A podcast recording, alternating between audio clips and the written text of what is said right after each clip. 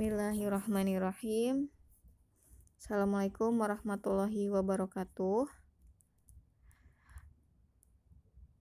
Ya, eh, pada pertemuan hari ini kita lewat voice note aja ya, biar semuanya bisa ngikutin gitu.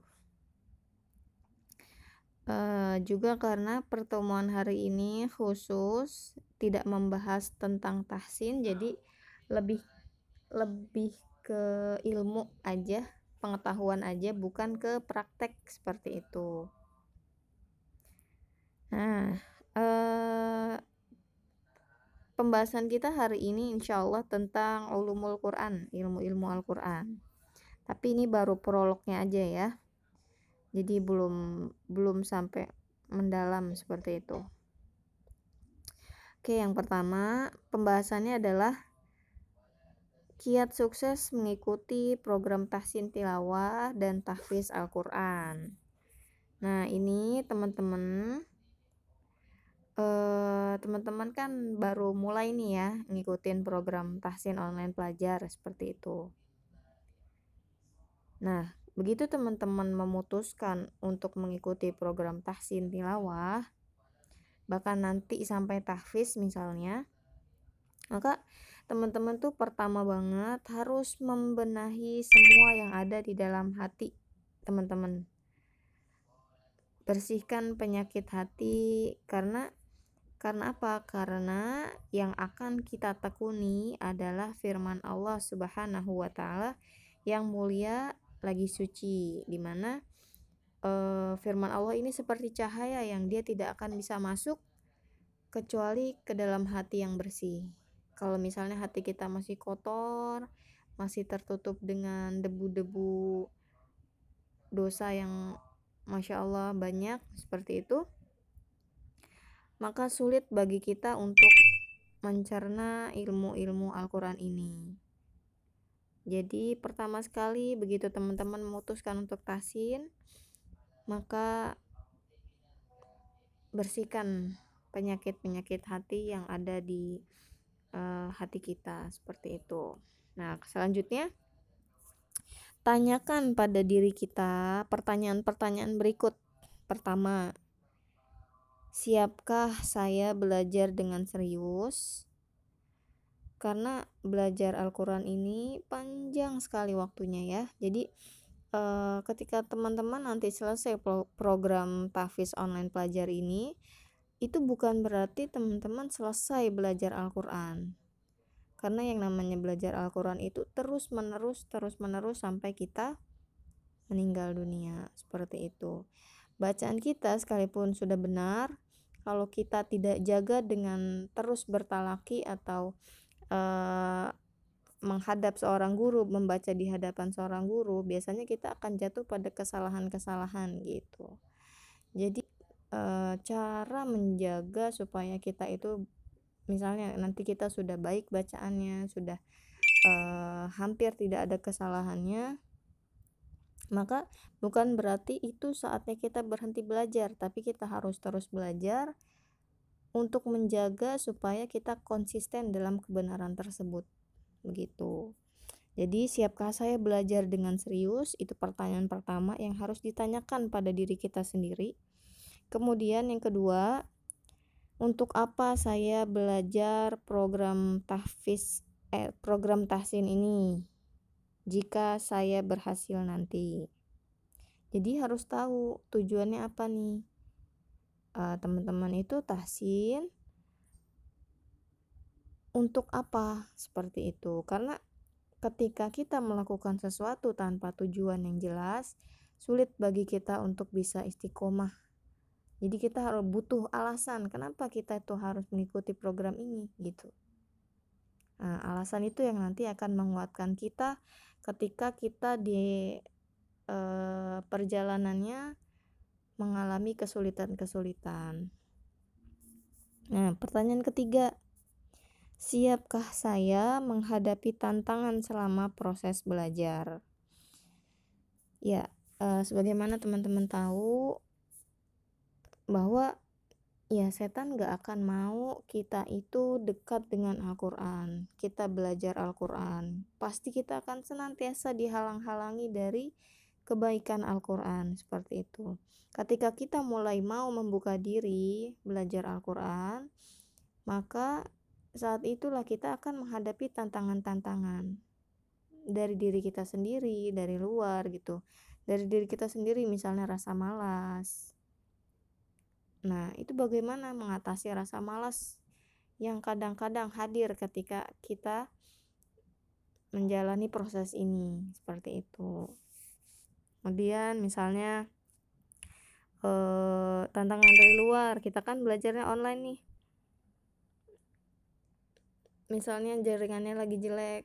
Nah, jangan sampai hal seperti itu menjadikan kita putus asa. Udahlah mending gak usah belajar aja lah jaringannya jelek misalnya seperti itu. Kita tetap berusaha bagaimana caranya jalan terus belajar terus tanpa alasan seperti itu.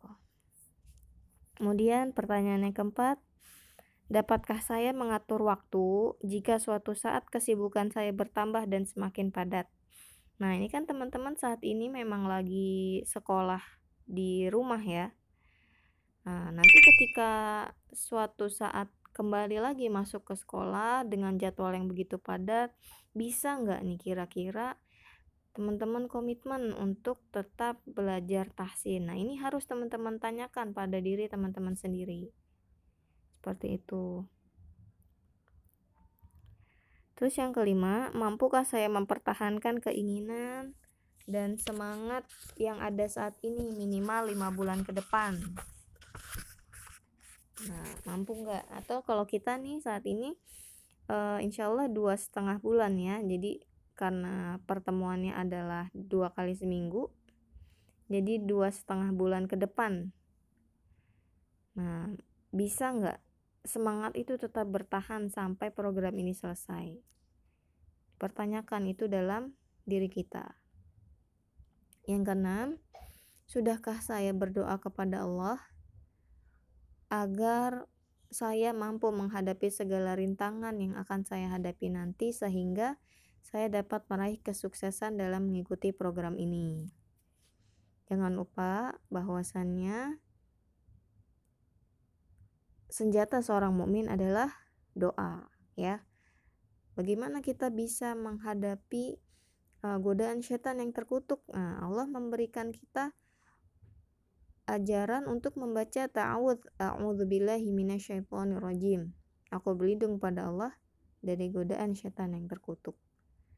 Nah, jadi salah satu kiat untuk bisa istiqomah adalah dengan senantiasa berdoa, ya Allah, semoga saya bisa menghadapi segala rintangan, semoga saya bisa istiqomah sampai akhir. Seperti itu. Nah, itulah Persiapan awal yang mutlak dibutuhkan selama belajar agar teman-teman gak mudah cepat putus asa atau jenuh selama proses belajar seperti itu. Nah, itu bagian pertama. Nah, kunci sukses program tahsin atau tahfiz itu terletak pada dua hal ya, pada dua hal. Yang pertama, mengaktifkan lidah untuk sebanyak-banyaknya membaca Al-Quran. Ingat, tujuan tahsin itu ada dua. Pertama lancar, kedua benar. Lancar, benar. Nah,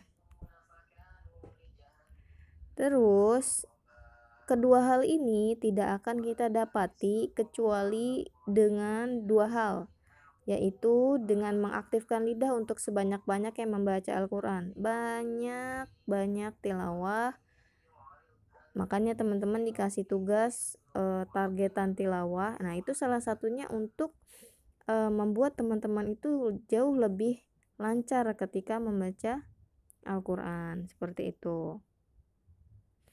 Nah agar terbentuk keakraban keakraban teman-teman dengan Al-Quran Nah, yang kedua, mengaktifkan pendengaran. Kalau tadi kita mengaktifkan lidah untuk sebanyak-banyak yang membaca Al-Quran. Nah, kedua, kita harus mengaktifkan pendengaran untuk sebanyak-banyaknya mendengarkan tilawah yang benar, yang fasih. Baik dari kaset murotal atau langsung dari fasilitator.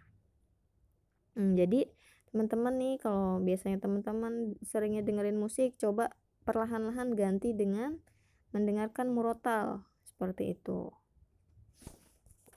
Nah, karena perlu teman-teman ketahui juga, apalagi kalau nanti teman-teman sudah menghafal Al-Quran, bahwasannya uh, Al-Quran dan musik itu adalah dua hal yang saling mengalahkan. Dalam arti uh, kedudukannya di hati teman-teman, di pendengaran teman-teman itu akan saling mengungguli satu sama lain gitu. Kalau teman-teman uh, cenderung ke musik, maka Al-Quran akan kalah. Jadi dalam arti teman-teman nggak akan bisa dekat dengan Al-Quran ketika teman-teman dekat dengan musik uh, ataupun uh, biasanya ketika teman-teman dekat dengan Al-Quran maka secara otomatis Al-Quran akan menjauhkan teman-teman dari musik seperti itu nah itu yang harus uh, diperhatikan jadi perbanyak mendengarkan murotal Al-Quran ya Uh, pendengaran bermanfaat untuk menanamkan gambaran makhorijul huruf yang benar seperti apa, sifat-sifat yang benar seperti apa, huruf-hurufnya gitu ya. Karena ketika kita belajar mengucapkan suatu huruf, kita butuh gambaran suatu huruf tersebut di samping sekedar mengetahui teorinya belaka itu. Nah, Kemudian, selain dua hal tadi, ada lagi yang perlu kita lakukan ya untuk bisa sukses dalam program tahsin tilawah ini. Yang pertama, disiplin. Disiplin apa?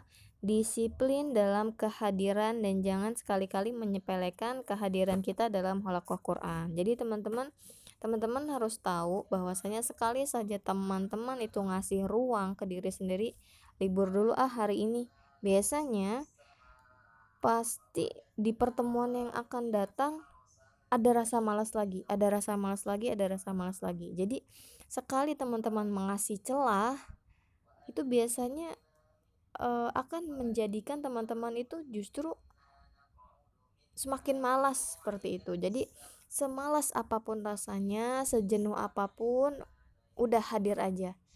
Insya Allah atas rahmat dari Allah Subhanahu wa taala melalui Al-Qur'an itu yang akan nanti mengikis rasa malas kita, rasa jenuh kita seperti itu.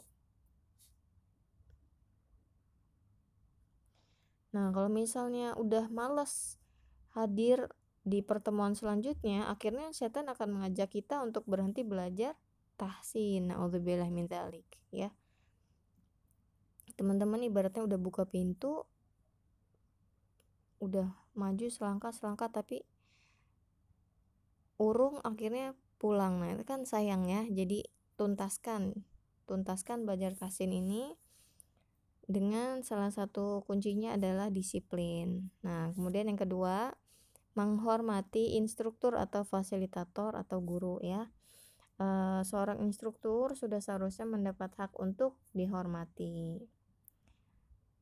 E, sampaikan setiap masalah atau kendala dalam belajar kepada instruktur, sampaikan isi hati teman-teman dengan penuh hormat dan ukhuwah agar tidak ada jarak antara e, antara kita ya. Maksudnya ini kan e, antara saya dengan teman-teman semua. Jadi seandainya e, selama pertemuan kita beberapa kali ini ada yang kurang menurut teman-teman silahkan dikomunikasikan bisa japri ke saya uh, apa yang kira-kira kita perlu approve eh apa perlu kita tingkatkan supaya pembelajaran kita lebih baik lagi. Silakan uh, insya Allah saya terbuka dengan masukan dari teman-teman semua. Kemudian yang sangat saya tekankan sebenarnya saya tidak tidak mempermasalahkan jika teman-teman sesekali tidak bisa hadir ya. Asalkan harus dengan izin seperti itu. Jadi Hmm, salah satu adab dalam berhalakoh yang perlu kita tegakkan adalah adab izin ketika tidak bisa hadir seperti itu. Baik terus yang ketiga adalah berusaha untuk mengikuti semua petunjuk dan arahan selama belajar tahsin atau tahfiz dengan sebaik-baiknya. Baik terkait dengan kesalahan teman-teman ketika talaki misalnya saya koreksi di bagian ini bagian ini bagian ini gitu. Nah itu eh, harus diperhatikan seperti itu. Kemudian masalah kuantitas tilawah harian itu juga perlu diperhatikan. Buat teman-teman yang sampai hari ini eh, tilawahnya laporan tilawahnya eh, nggak bolong Masya Allah terima kasih banyak.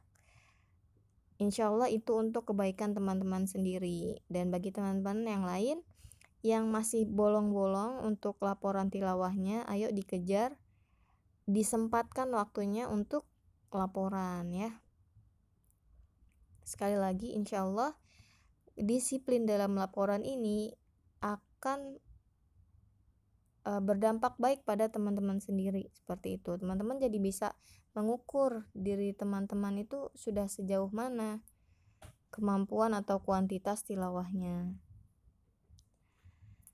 Nah, kemudian